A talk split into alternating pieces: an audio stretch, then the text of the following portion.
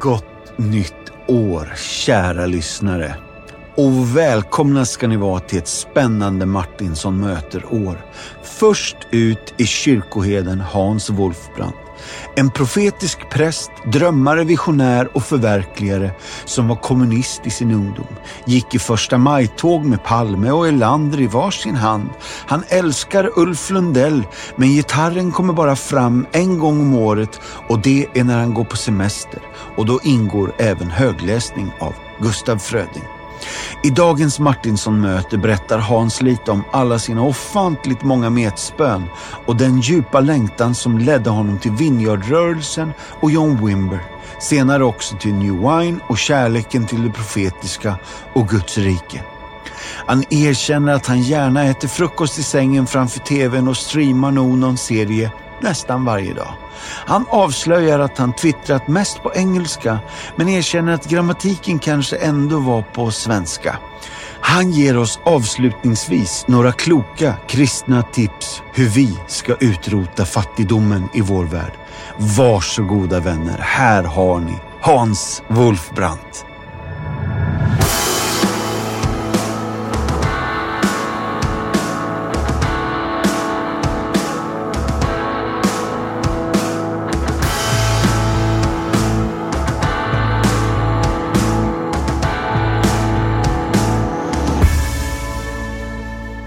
Alla gästerna har redan blivit välkomnade, men dagens gäst ska nu få sitt välkomnande. Varmt välkommen till Martinsson möter Hans Wolfbrandt. Tackar, tackar. Tack snälla för att du tog dig tid. Vi spelar ju in det här i december och just idag är det Lucia. Det är ruskigt mysigt att du tog dig tid idag av alla dagar. Du, är det Hans-Olof Ragnar? Hans-Olof Ragnar är det ja. Så är det? Jajamän, det är Ja. riktigt. Underbart! Du, eh, våra lyssnare har fått ställa sina frågor. Så här kommer de fem första till dig. Okej.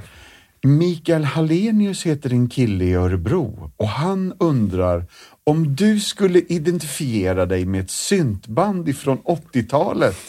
Vilket skulle det vara? Ja, ja det, det kan inte svara på. Synt har aldrig varit min grej alltså. Nej, jag Det- fattar. ja. Jag vet ju lite vad som komma skall här och därför tror jag att, att hade han sagt Ulf Lundell så hade någon... Ja, Ja. precis. Jag hade landat lite mer. Ja, det är bra. Karl-Henrik Jacklund heter en kille, heter en kille från Falköping och han undrar hur mycket är Paulus förlösande och hur mycket är han frustrerande? Och Karl-Henrik undrar om du kan ange procentsatser. Ja, jag tycker Paulus är förlösande. Jag skulle säga 85 procent. Underbart! Ja, det är Ja. spontant. Jag har aldrig fått en sån fråga förut, men Nej. det är bra. Den är intressant Ja, faktiskt. det är den. Andreas Wistrand från Åbytorp frågar så här. Du har möjlighet att göra Route 66 och du får kanske en stor amerikanare, lägger jag till här. Men vilka fyra personer tar du med dig i bilen? Du får välja vilka du vill tror jag, Ja. i hela världshistorien. I hela världshistorien? Ja. ja. Ja, jag skulle inte vilja åka Route 60, 66 utan min fru. Så hon får ju sitta i framsätet naturligtvis, Ja. tänker jag. Men sen så skulle det vara spännande att ha... Ja, jag skulle gärna få ta med mig en sån som Billy Graham. Ja. Det var spännande att få både liksom lära känna honom men också få höra berättelserna om det som Gud har gjort liksom i, Ja. genom honom i amerikansk historia, Ja. tänker jag. Och i världshistorien. Ja, i världshistorien ja. Verkligen. Ja, ja visst. Men eh, det hade varit spännande, spännande resa. Ja. Eh, eh, men sen är jag ju, jag är ju intresserad av eh, eh, naturen och, och så också. Det hade varit intressant att få med sig någon som också kunde lite grann om ja, den amerikanska västens historia och, och vad som har hänt med både med urbefolkningen men inte minst med djur, djurlivet och så. Det, jag är lite fascinerad över det här med eh, när man tittar på de här amerikanska serierna om rancher och, och allt vad det är för någonting och, gå tillbaka och gräva historien. Ja. Seb McCann var ju en sån här idol vet du, när man var ung. Självklart. Ja, ja, visst. Ja, men du. Så att här, Billy Graham och vad heter din fru? Berit? Berit ja. Ja, ja. och eh, Seb McCain. Ja, det kan vi ta. Ja, du. ja, Ja, ja. Nu, du har en till alltså? ja, men då, eh, då hade det varit kanske intressant, eftersom man är i Amerika då, så kanske det varit intressant att få med sig eh, någon, eh, någon president någon här, som man skulle vilja liksom, eh, fundera lite mer på. Ja, visst. Det tänk, Jimmy Carter kanske? Ja, Det är, ja. han ju, det känns ju som han är lite missförstådd eh, historiskt sett, men eh, Mm. han delar ju samma tro och samma, eh, samma längtan, tänker jag, mycket som, som vi gör. Så att, Ja. tänk att få... Nu är han väl mer från södra delarna, va? eller hur är det? Du, jag har ingen koll. Nej, jag har ingen koll, ifrån, men men det, det känns lite grann så. Men, men det hade väl kanske varit, tänk ett sånt, ett sånt gäng vet du. Ruskigt spännande gäng. Jättebra alltså. Eh, nästa fråga är Ulrika Johansson från Taberg. Hon undrar, är det viktigt att vara en bra människa? Och vill du utveckla det? Och sen en följdfråga på det, hur försöker du vara det? Ja, men jag tror, det tror faktiskt är en av de stora frågorna ju. Att få vara en bra människa. Sen är ju den subjektiv, Ja. men, men just att få, få, få göra någonting som man är som, som känns äkta för en alltså. Något som känns, att, att det, och, och kanske också genererar mer än eh, liksom bara livet för dagen. Ja. Sätt, sätta avtryck, det, det kan jag känna att det kan vara viktigt. Eh, I min personlighet tror jag, och, som jag har tänkt, så, så, är- så är sanning viktigt. Eh, Så jag tänker att, att vara sann, det är inte bara att tala sanning, utan det är också att eh, vara sann mot sig själv. Och, och så. Det, det tänker jag att det är sånt som man själv mår gott av, men också som andra känner igen. Och, så det skulle jag säga, att, att, vara, att vara sann, att vara en sann människa. Ja. Oh. Och det, det, är, väl- jag menar, det är ju det, lite grann det vi tror på också. Jesus är en sann människa och han är ju den stora förebilden och det är ju så spännande det här liksom att han verkar ju vara äkta i, i sina känslor, med, med äkta i mötet med människor och fascinerande. Människor drog sig till honom för att liksom få höra mer av sanningen. Så att det finns ju något väldigt lockande i det tänker jag. Ja. Du, det här leder oss osökt in på den femte och sista frågan. Gustav Frankal från Göteborg undrar, hur har du det med Gud? Oftast är det bra tycker jag. Jag tycker det är gott. eh, Det, det handlar, jag tycker livet kre- kretsar ju kring tron och Ja. relationen till honom. Men eh, sen är, tror jag ibland i min personlighet så är det mycket brottning och kamp också. Ja. Eh, både med sig själv och med, med Gud. Och framförallt när vi inte är riktigt överens, för det händer ju ibland. Japp. och då, då känner man ju så här att jo, men det är bra, det är viktigt, det är det, är det som är livet, men det är, ja, det är ibland utmanande också. Åh, spännande. Tack snälla för att du delar Hans. 2 augusti 1965, vad hände då? Ja, då föds ju jag Japp. på Kungälvs BB. Ja. Och är det en plats som heter Komarken? Liksom? Ja, eh, komarken är, där växte jag upp sen. Men eh, jag bodde inte där de första åren. Okej. Utan det gjorde jag från 69. Okej. Flyttade vi ut på komarken och det var ju, det var verkligen, eh, det var bondvischan där, där Kungälv växte ut mot eh, kusten, ut mot Ytterby och så. Just det. Och Så, där då blev- var det också komark? Ja, det var komark. Det är därför som det heter eh, Jajamän. komarken så att Mm. säga. Men det byggdes upp i slutet på 60-talet, i, både i miljonprogrammet och i, med villor och sådär. Eh, när vi ändå pratar orter så finns det en ort som heter Liljedal. Japp. Liljedal säger vi. Ja, det är bra. Ja.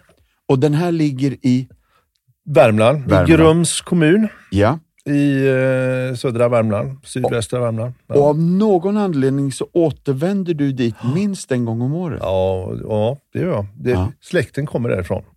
Det är så. Eh, det var ett glasbrukssamhälle. Glasbruk på 1800 och början på 1900-talet och när det la ner, sista bruket la ner 1917, då, då flyttade de ner eh, bruket till Surte och Kungälv. Så att det finns områden i både i Surte och Kungälv som heter Liljedal och, och det var glasbruket som sen blev PLM i Surte då. Eh, Det, det, det var så att från min, min, både på mamma och pappas sida så har man, kommer glasblåsare från Liljedal och hamnar i Kungälv. Aha. Men då, ja, jag, ja men jag är med. Eh, jag vet att det finns eh, massor av förebilder i ditt liv, men någon tidig förebild tror jag är en, en morfar Ja, det stämmer.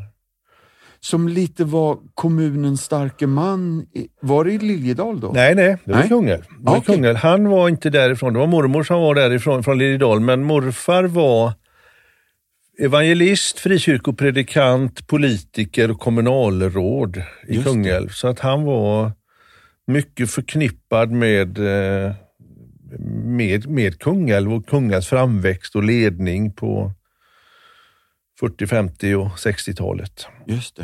Eh, Så att han, och han har betytt mycket och, fortfarande, även om han har varit död i många år, han dog 85, Ja. så, så eh, både drömmer och tänker och pratar med honom, höll jag på att säga. Fortfarande. Ja, men jättefint. Ja, jag hörde någonting om första maj-tåg. Ja, Hela ja. barndomen liksom. Jajamän. Ja. Det var, jag gick och höll morfar i ena handen och så eh, Tage Erlander eller Olof Palme i andra handen. Liksom, och, så, och så var Kungälvsposten hette ju tidningen och det, när morfar Ja. var kommunalråd då så, så var det roligt att ha barnbarnet med. Så när man var liten så, så fanns man med där. Men det här är inte bara hittepå utan du har hållit alla de här lirarna i handen. Jajamän, Ja. jajamän, jajamän. Det är jättegött. Ja, det, Mm. Men eh, alltså gymnasiet, då förstår jag nästan att det var per automatik en självklarhet att du var elevrådsordförande. ja, det var inte på gymnasiet utan det var på högstadiet. Aha. var, var jag det. Och, det, det är väl så. Det, det funnits, finns väl i min personlighet kanske att man hamnade i en ledande Ja.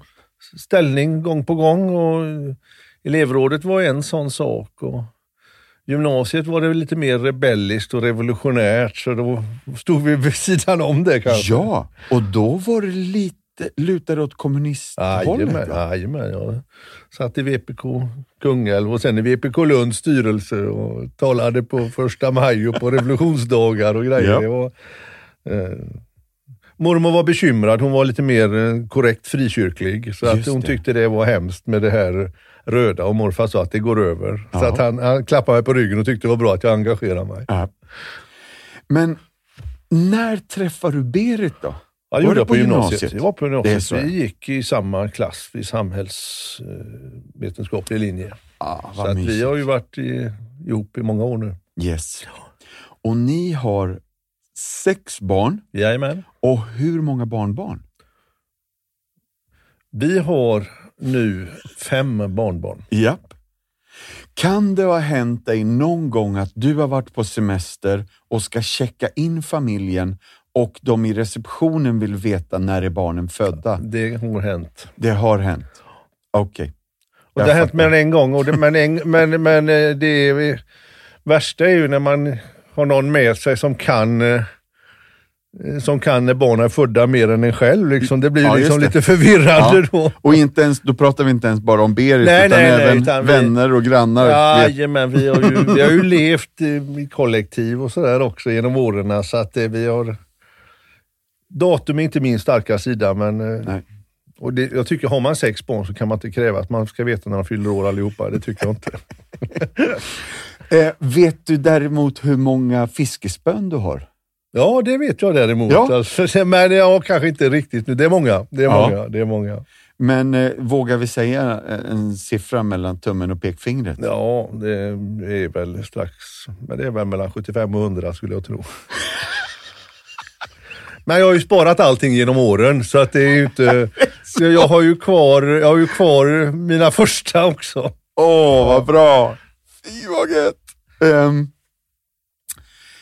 kan det hända någon gång om året att gitarren åker fram och att just då nämnda Ulf Lundell är den som spelas. Ja, ja, nu har jag faktiskt ingen gitarr och pojk, pojkarna, för de har gått sönder mina, och pojkarna bor ju inte hemma. Ja. Så att, eh, men, men fram till och med förra året, Mm.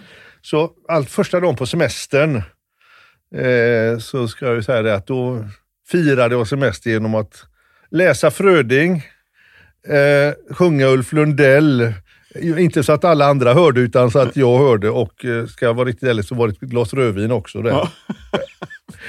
Det här är Ja. jättebra alltså. Eh, du, vi måste bara, vi, vi hinner liksom inte...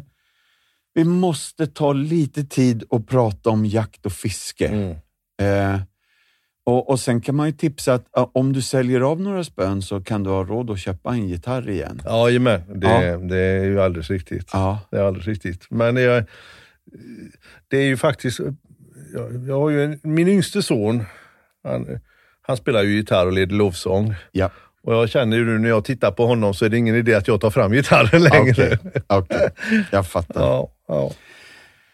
Eh, jag har ju varit hemma hos dig och fascineras av alla dessa älgar, oräkneliga rådjur och eh, du har någonting mot vargen också va?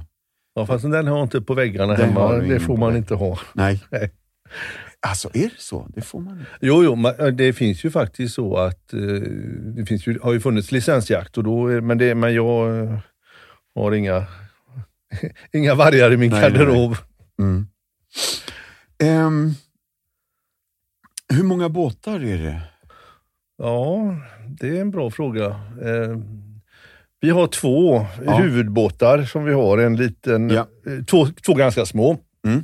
Sen har vi lite andra båtar som någon dinge till barnbarnen och grannarna har lånat en båt som de har, använder ibland Mm. och sådär.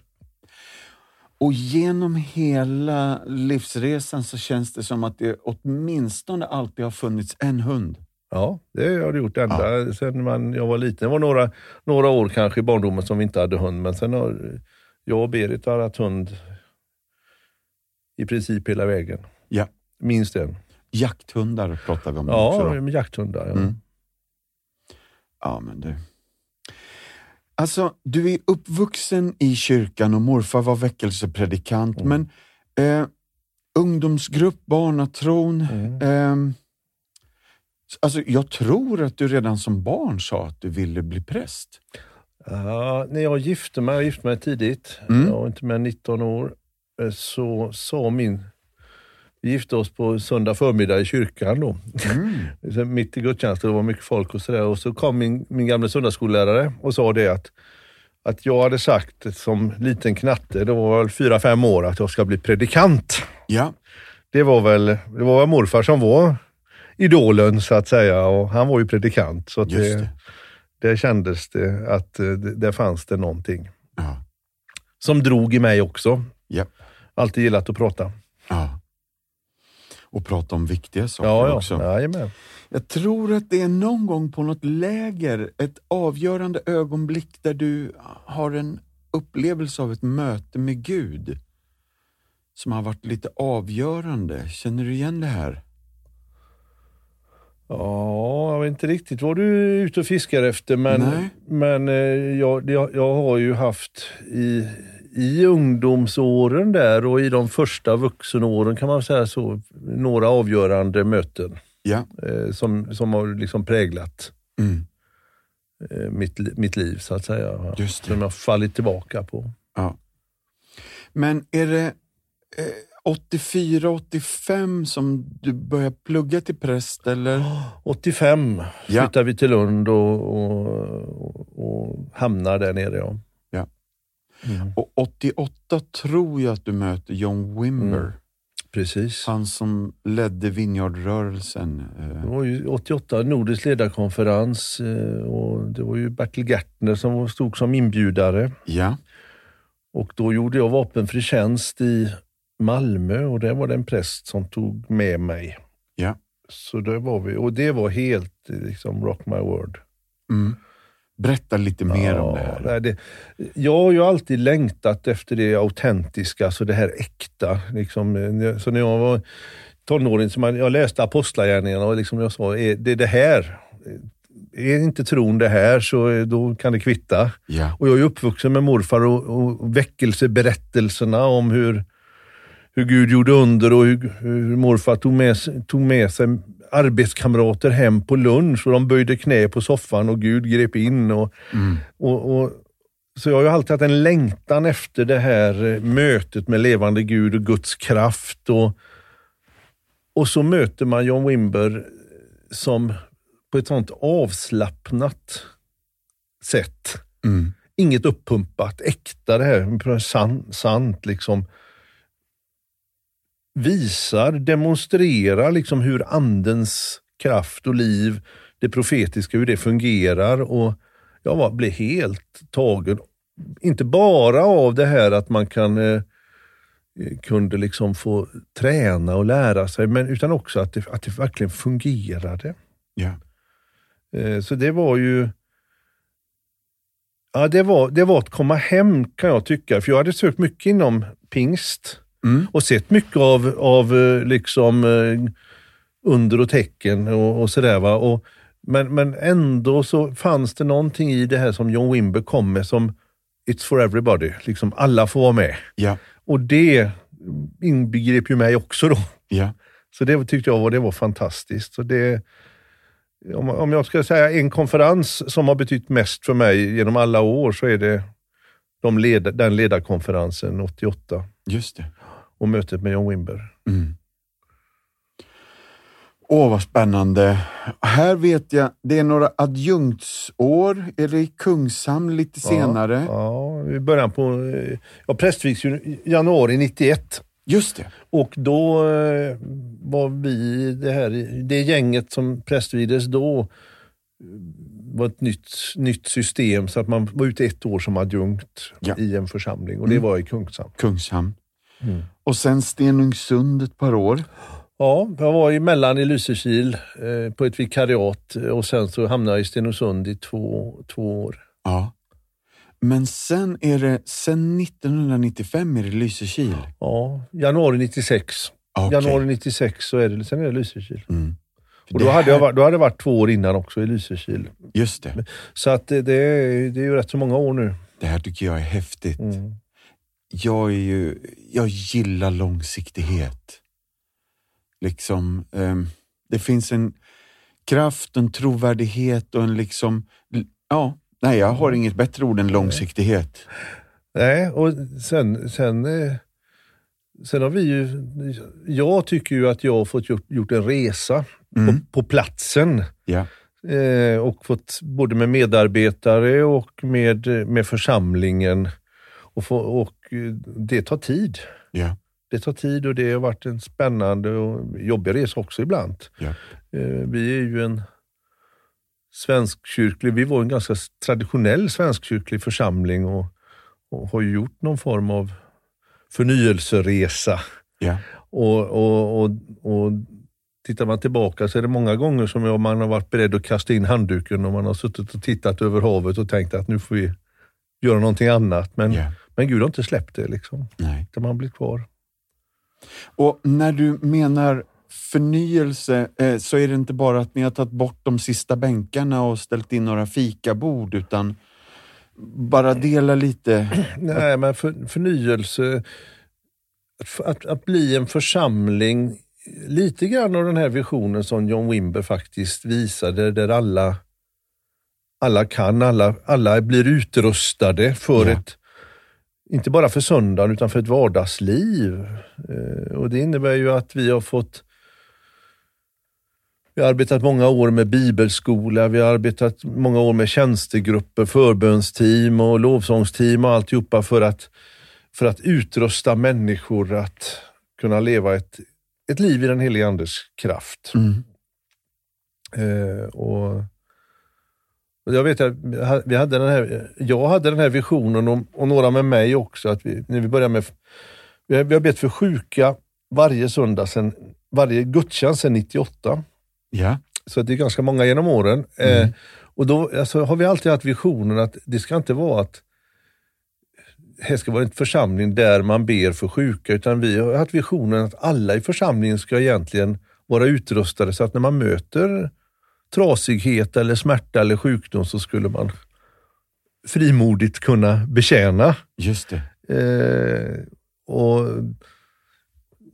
och det tycker jag har varit liksom utmaningen att utrusta för ett vardagsliv. Ja. Mm. Och då är vi tillbaka till det här sanningsanspråket, Ja. att det är en, en tro som behöver fungera i, i praktiken. Ja, precis. Liksom. Mm. Eh, men, sen, är ju, jag tänker att det finns en andlig verklighet och en andlig kamp utan att liksom förstora fiendens roll eller så, men jag tänker allting som växer närmare Jesus och också en församling som växer så, så finns det kamp. Vi har, vi har liksom det här, den gamla människan i oss, konflikterna växer fram, splittring och vi har ju fått se genom åren liksom både god frukt och fått försöka lära oss om misstag. Så att säga. Men, men, men på något sätt så känns det ändå som om Gud har fått beskydda. Och någon som sa det för några år sedan här, eh, kan man göra så här i Svenska kyrkan? Mm. Och, och, och jag kläckte ur mig och det var någon mer, så jag hade väl hört det någonstans, att det är som om vi där längst ute i havsbandet, vi seglar under radarn. Biskopen vet inte riktigt vad vi gör. Eh, Utan att det, det här, vad som händer i Lysekil är kanske det är lite perifert. Ja. Ja. Men det har gått bra hittills. Men du, en spik som jag har gillat att du ständigt slår på eh, eh, med både glädje, värme och kärlek är, är ju det profetiska. Om du bara ska presentera, vad är det om våra lyssnare är helt oerfarna? Nej, men jag tänker så här att en viktig del av den kristna tron för alla är ju att vi kan höra Guds röst. Alla, alla troende, även om man inte riktigt förstår vad, hur man hör, och vi hör det på olika sätt, så, så säger ju Jesus, mina får lyssna till min röst. Så att det tänker jag är ett, liksom egentligen ett grundläggande i bönen, i vardagslivet, i bildspråket, i drömmarna som man har, att Gud kommunicerar med oss. Just det. Och då tänker jag att det profetiska är väl när Gud använder en annan människa eller en tjänst att förmedla, att tala Mm. till ett sammanhang, en församling, till en enskild människa.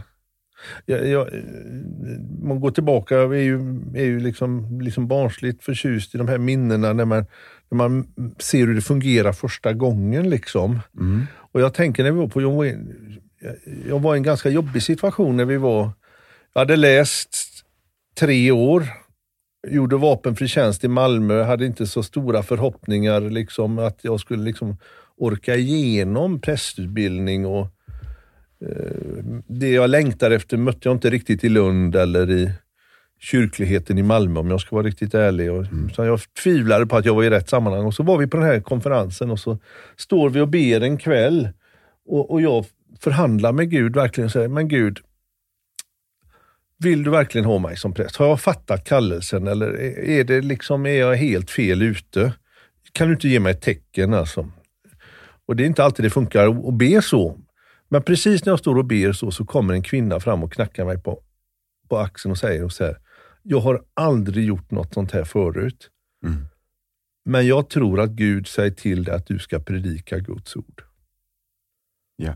Och jag bara, jag så bara pang, jag var full i backen, alltså helt förkrossad över hur Gud använde en annan människa så, med en sån timing som det var precis i vårat samtal. Ja. Och jag bara, och när jag reste mig upp så är hon ju inte där, utan, men, men hon var ju verklig så det var Ja. inte så. Och jag, och jag tä- tänkt så många gånger, tänk om jag hade fått berätta för henne vad...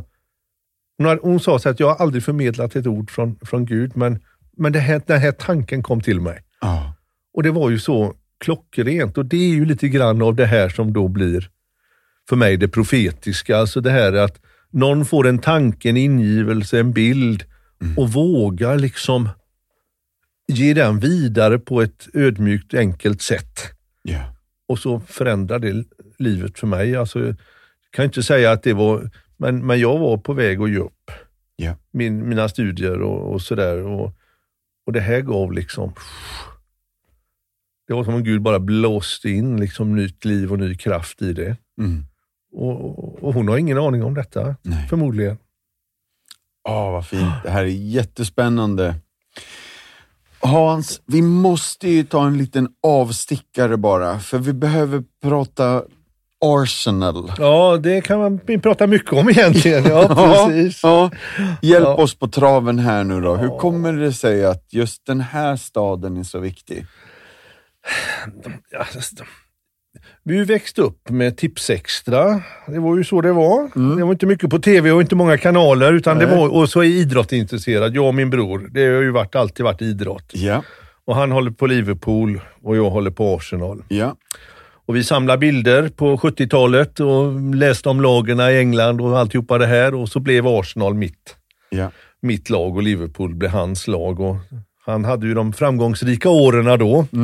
Eh, och sen, eh, sen vände det ju och så blev ju Arsenal, eh, jag hade ju några verkligt goda år eh, eh, som spädde på det här och sen mina barn är ju också idrottsintresserade, spelat fotboll allihopa och, och sådär. Va? Och då blir ju det ett gemensamt liksom Wolfbrandt familjeintresse, liksom att diskutera, samtala och drömma om Arsenals framgångar. Och ja. Resa till Highbury och- till, till Emirates Stadium och gå touren där och se på fotboll och gå ner i shoppen. Och, nu har vårt minsta, yngsta barnbarn nu, eh, Rut, sex månader lite drygt, önskar sig julklapp Arsenal-stuff. av bröderna, farbröderna. Ja, sådär. Så ja, det. Det, är, det, är Ja. vik, det är viktigt. ja. Och det var ju som han sa, påven, av alla de oviktiga sakerna så är ju fotboll det viktigaste. Ja, just det. Ja, Men du, eh, eh, sitter jag egentligen och pratar med en bandymålvakt här? ja det gör du. Ja. Eh, Fastän det var ju bara i knatteåldern. Det, Ja. jag var, Mm. eh, det, det, band, bandy var, kom man från Kungälv och, och så, så är ju, var ju bandyn framförallt i den här brukstraditionen. Just det. Så att eh, Liljedal, Slottsbron, brukssamhällena uppe i Värmland och Bergslagen, det är ju bandyns liksom vagga i Sverige. Ja. Och det var ju Kungälv och Surte var ju också Ja, just det. Bandy IF Kungälv, eller vad hette det? IFK Kungälv. I, ja, Ja, du hör ju. mm, ja, ja. Men eh, det är inte alla som eh, förstår sig på band, tjusningen av bandy. Mm. Ja. Ehm, alltså, du är ju för skön. Eh, det, här är någonting som har återkommit, för du twittrar ju. Ja. Eh, men du twittrar ju på engelska. Ibland ja. Ja, nu nu ja. mer på svenska men engelska. Är det så? Ja, nu är det... Är det någon som har bett dig att byta språk Nej, här? nej, nej. nej. Eh, jag, vet inte, jag, är, jag är inte på sociala medier på något annat än Twitter och det är ju Nej. ganska ute nu, Twitter. Ja, ja, Så att jag är ju jag är i min egen lilla värld. Ja. Även om man har en, några följare så är det inte så många som, som är med. Men det var, det, var, det var när jag var ledare för New Wine så var det någon som tyckte att du borde twittra. Mm, Och då gjorde några av mina engelska kompisar, presskollegor det. just det. Och för att det skulle, och de, vi följde varandra och då tyckte jag så här att, ja men jag, jag, jag har sån dålig vardagsengelska så att även svenskar fattar liksom Japp. ungefär vad man Ja. menar. Det är lite svengelska ibland. Och, Ja. och då, då kunde liksom man få kommentarer både från kompisar i London och, och folk här. Det. Så det, var, det är anledningen till att det var på engelska. Ja, det är så bra. Ja, Hans, stämmer det att du helst äter frukost i sängen? ja det gör jag gärna. Och det är framför tvn? Ja, vi. TV. Jag sover väldigt dåligt på nätterna. Så det att så? jag brukar vakna väldigt tidigt och då har TV eller podd, Ja. men, men oftast TV för att eh, där kom, brukar jag titta så att då är man inne i någonting när, man, eh, när Berit vaknar. Just och så det. tar vi frukosten eh, till, till TVn och Ja. sen börjar dagen.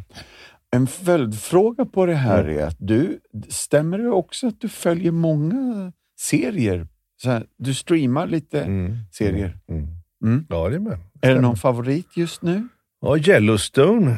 Ja, Kevin, den är ju väldigt populär i Amerika. Den, den var, är, tycker jag är härlig ja serie. den här nya med Kevin ja, Costner. just det. Ja, Den kanske inte är så ny. Det är Nej, men jo, men eh, den, det är ju femte säsongen nu eller vad det är. Ja. Eh, och då tycker jag ju det här att, liksom att när man hittar någon, och så är det, är som när man hittar en ny bok och så Mm. man en ny författare och så märker man här finns det tio tjocka böcker. Ja.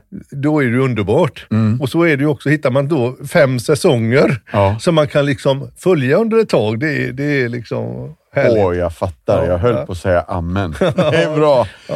Eh, för det svarar ju på nästa fundering här. Du har mycket böcker. Läser gärna. Ja. Mm. Eh, blivit lite kanske mindre läsningar eh, ju mer streaming det blir. Ja. Det, är- så är det ju. Men jag läser gärna. Jag läser gärna.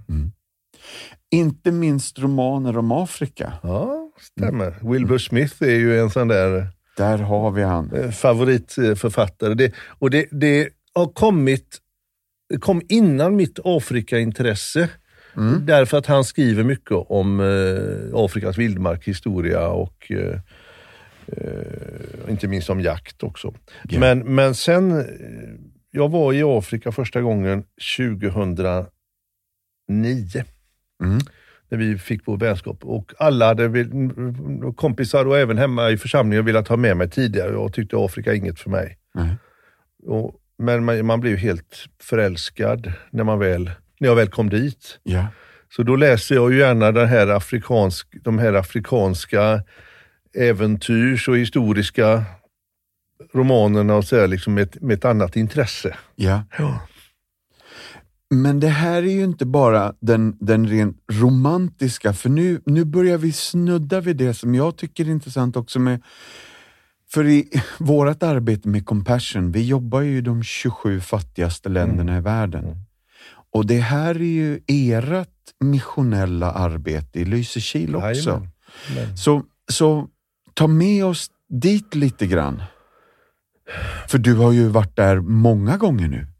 Ja, jag har varit där sex, sju, åt, ja, sju gånger Ja. och vi har gjort missionsresor med Bibelskolan och vi har, Ja. vi har haft vänner från, det är Chitego heter det, en, ett samhälle, en by som i, till huvudsakligen består av massajer. Ja, Wagogo också, men eh, 1994 så är en god vän som missionär, EFS-missionär, Ulf Ekängen. mm. Eh, Det är någon som kliver in på kontoret på Dodoma stift och säger vi vill bli kristna, vi vill att kyrkan ska hjälpa oss att utbilda barnen. ja, Och då startar man en församling, en luthersk församling ute i nästan ingenstans på Masai Steppe i centrala Tanzania. Och de blir, det här nomadfolket då blir bofasta. ja. Och, och där växer en församling fram. Mm. Och med lite olika eh, kontakter och så, så är ju Ulf, den här EFS-missionären, den som har introducerat oss i ett vänskapsrelation. Just det. Och, och, och att få se, alltså både, nu var det första gången så var det som att kliva tillbaka i, jag ska inte säga stenåldern, men nästan. Mm. Det var alltså väldigt primitivt. Ja, I förra veckan så fick jag en video, eller ett eh, eh, WhatsApp-meddelande. Då hade de fått elektriskt ljus. ja. Eh, 12 år senare då. Mm. Och, och vilken grej alltså. Det har hänt under de här åren som vi har haft relation så, så har man gått ifrån total tystnad, eh, bara boskap. Nu är det motorcyklar, mobiltelefoner, elektriskt ljus. Det händer någonting. Vi får vara med om en resa som kanske i Sverige har tagit hundra år, ja. på, på tio år här. Just det. Eh, och, och det är inte bara positivt, men det, det är fascinerande att kunna med vänner och med församling se detta och utmanas också. Hur, hur är man kyrka i en sån snabb förändring? Just det.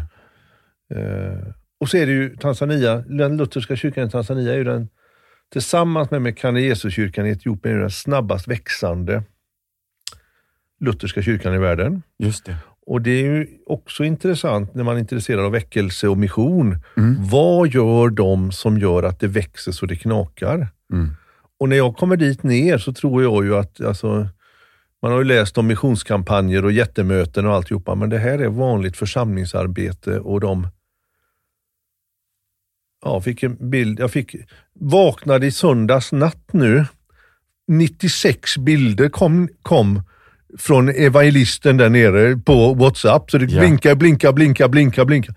Då hade de döpt 87 personer den Kom söndagen. Eh, och då innebär att församlingen växer med 87 personer på en söndag. Ja. Och det är ändå inget, alltså det är inget, det är inte Mm. så att det är, om man uttrycker sig så, det är, det är ingen, det är ganska torrt. Mm. Det är ganska tyskt, lutherskt. eh, Gudstjänsterna är oändligt långa. Predikningarna är, ja många är väl bra, men de är oändligt långa och folk, Mm. eh, men det, folk kommer till tro. Ja.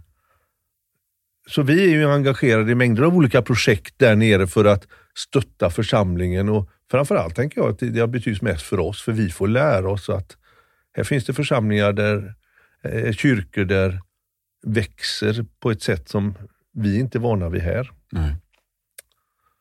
Och så, så att det är ja, spännande. Ja, det, ja, det är jättespännande. Räddad från hungersnöd och svält. Abiot blev utan arbete efter de plötsliga skolstängningarna och restriktionerna kring covid-19-pandemin. Hon är en ensamstående mamma som uppfostrar sex av sina nio barn själv och kunde inte göra något åt någonting när livet tappade kontrollen och hon fick stanna hemma utan jobb, utan inkomst för att ta hand om alla barnen. Hon brukade arbeta som skolkock och gynnades inte bara av den inkomst hon tjänade utan också frukost och lunch till barnen som garanterades genom regeringens skolmatsprogram. Mitt hjärta gick sönder när skolan stängdes och mina arbetsgivare sa till mig, vi kan inte hjälpa på grund av corona. Varje dörr stängdes rakt i ansiktet på mig, berättar hon. Abiot förlorade nästan all sömn i många nätter och försökte desperat hitta en möjlighet att hålla sina barn med mat och vid liv. Hon var tvungen att övervinna sina skrämmande tankar och tvingade sig själv att lyssna på livets röst inombords. Hon valde att leta efter en lösning från Compassions kyrkopartner där hennes fyraåriga son Habte Mariam nu ingår i fadderbarnsprogrammet. I tårar förklarade Abiot situationen hemma för projektledaren Tsege som också blev rörd till tårar av den ensamstående mammans situation. Tsege ordnade fram mat åt familjen i flera månader plus hyrespengar tills covid-19-krisen hade passerat. Nyheten fick familjen att jubla av glädje. Äldsta dottern Etsub hissade upp sin bror Habte Mariam i luften och fångade honom. Tack och lov att du föddes! Glad grät hon. Det är på grund av dig som vi har mat i huset. Compassion har räddat mina barn från hunger, säger Abiot glatt. Compassion är anledningen till att jag inte klagar på Gud och nu är de min anledning att tacka honom. Jag ser tydligt varför Gud förde oss till kyrkan. Vart skulle jag annars ha tagit vägen för att få den här hjälpen? Du som lyssnar, jag vill utmana dig. Swisha en gåva till Compassion. Här kommer numret. 936 41 936 41 och du som kan, gå in på vår hemsida och bli fadder idag. För 310 kronor i månaden kan du vara med och förvandla liv tillsammans med oss. Gå in på compassion.se och bli fadder idag. Tack snälla för att ni är med och förvandlar vår värld. I Jesu namn. Om, jag, om vi skulle lyfta frågan till liksom den, den stora världsvidda eh, och eh, du får vara våran Moder Teresa eller Bono här idag. Ehm, hur tycker du att vi bäst utrotar fattigdomen i världen? Det de säger, som vi har fått lära oss, Ja. det är ju utbildning. Ja. Det är ju att barn får gå i skola Ja. och få en grundläggande utbildning. För det som händer när man får utbildning, det är ju att man får ett helt annat förhållande till hygien. Man förstår sambanden mellan hälsa och sjukdom och man, man får en vision om att få det bättre än det som man har haft. Ja. Och den, den längtan tror jag är en sån drivkraft som gör att det för samhället vidare. Och Det tycker jag man kan se på en del håll i världen och, och utbildning innebär ju också att man får en annan syn på barnafödande. Ja. Eh, man får, ett annat, man får en annan syn på...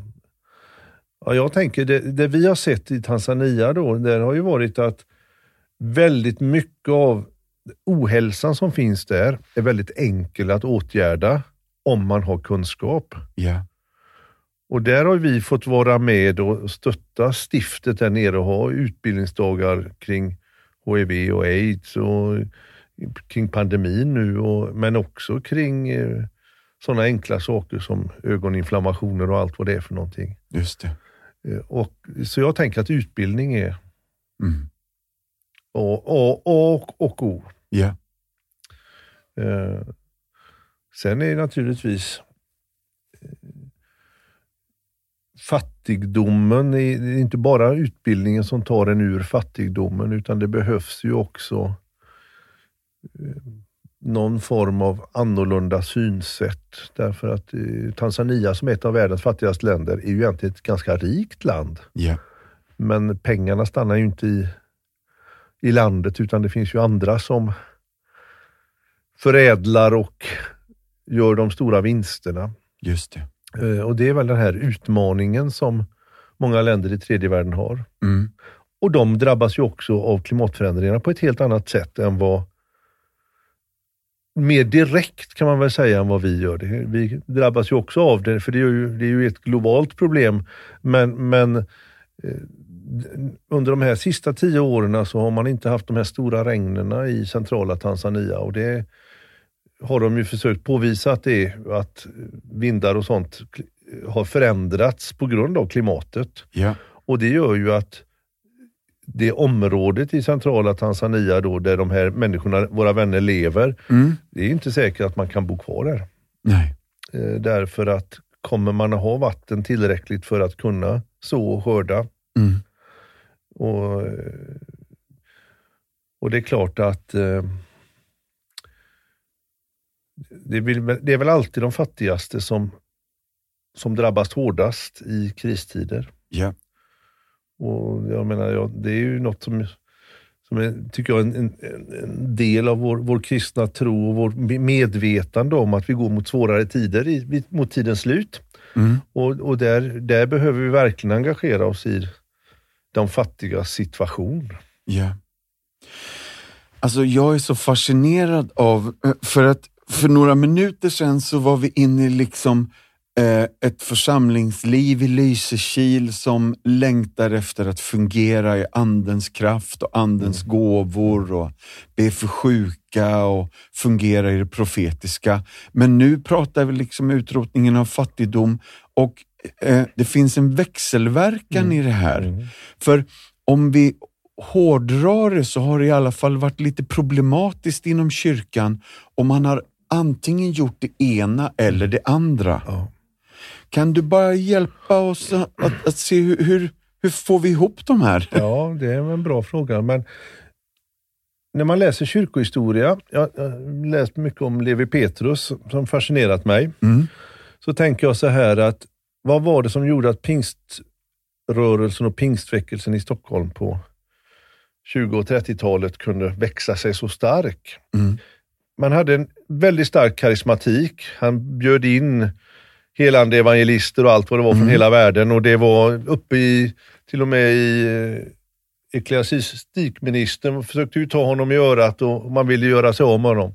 Men på grund av hans sociala engagemang, Mm. bland missbrukare och bland fattiga och inte minst fattiga hemlösa, så fick man en sån, liksom på något sätt, eh, credit.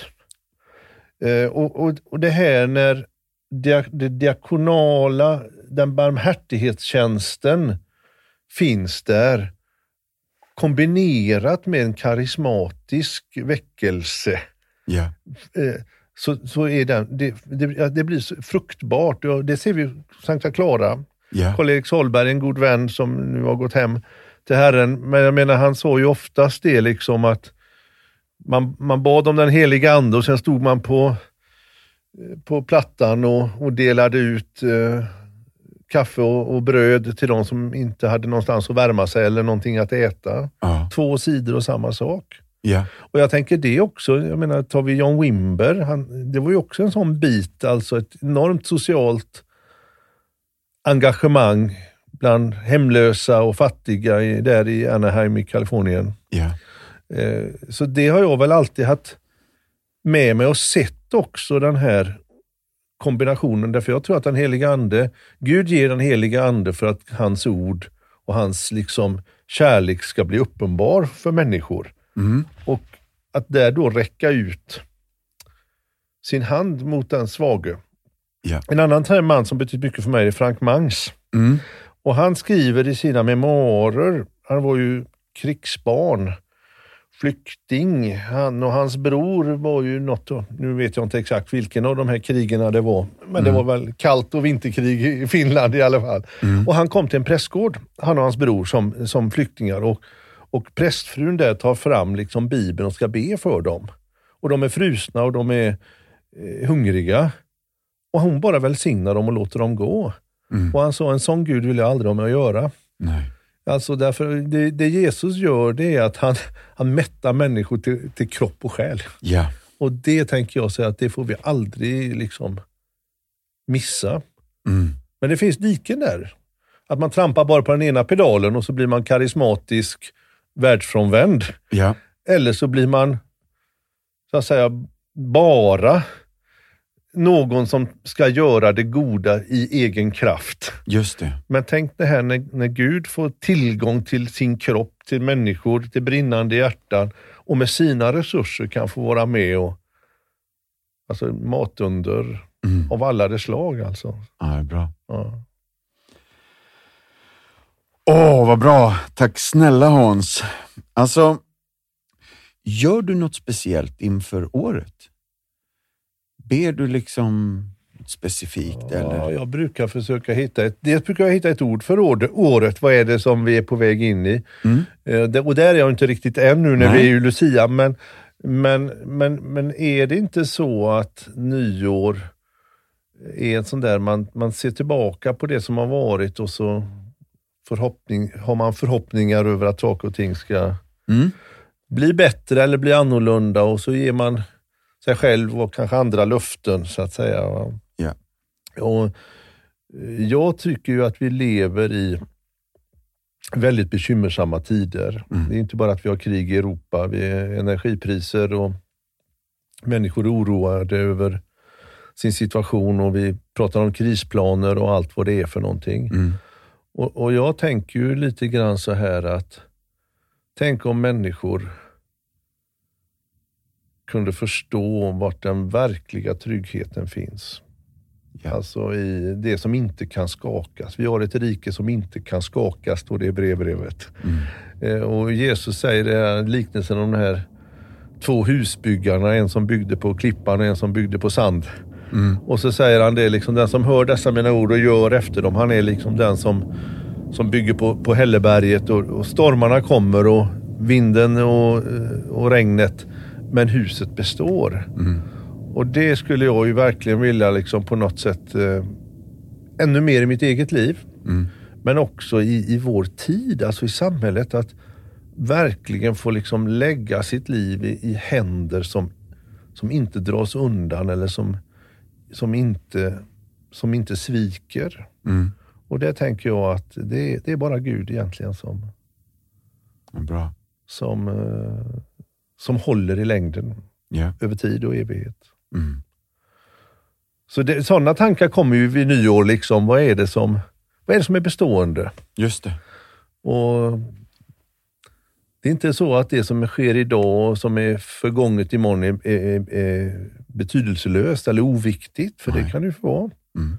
Det är viktigt hur det går med, i derbyt mot Tottenham. eh, här i, i fotbollen och det är viktigt vad som händer i slutet på jaktsäsongen och det är viktigt med avtalsrörelsen och det är viktigt med politik. Alltså det är mycket som är Japp. viktigt på olika sätt Mm. men ändå så finns det vissa saker som är av existentiell betydelse som är liksom, Avgörande. ja, som man kan faktiskt Ja. leva och dö med. Ja. Mm. Åh, jag höll på att säga amen. Men du, tack snälla Hans för att du är den du är.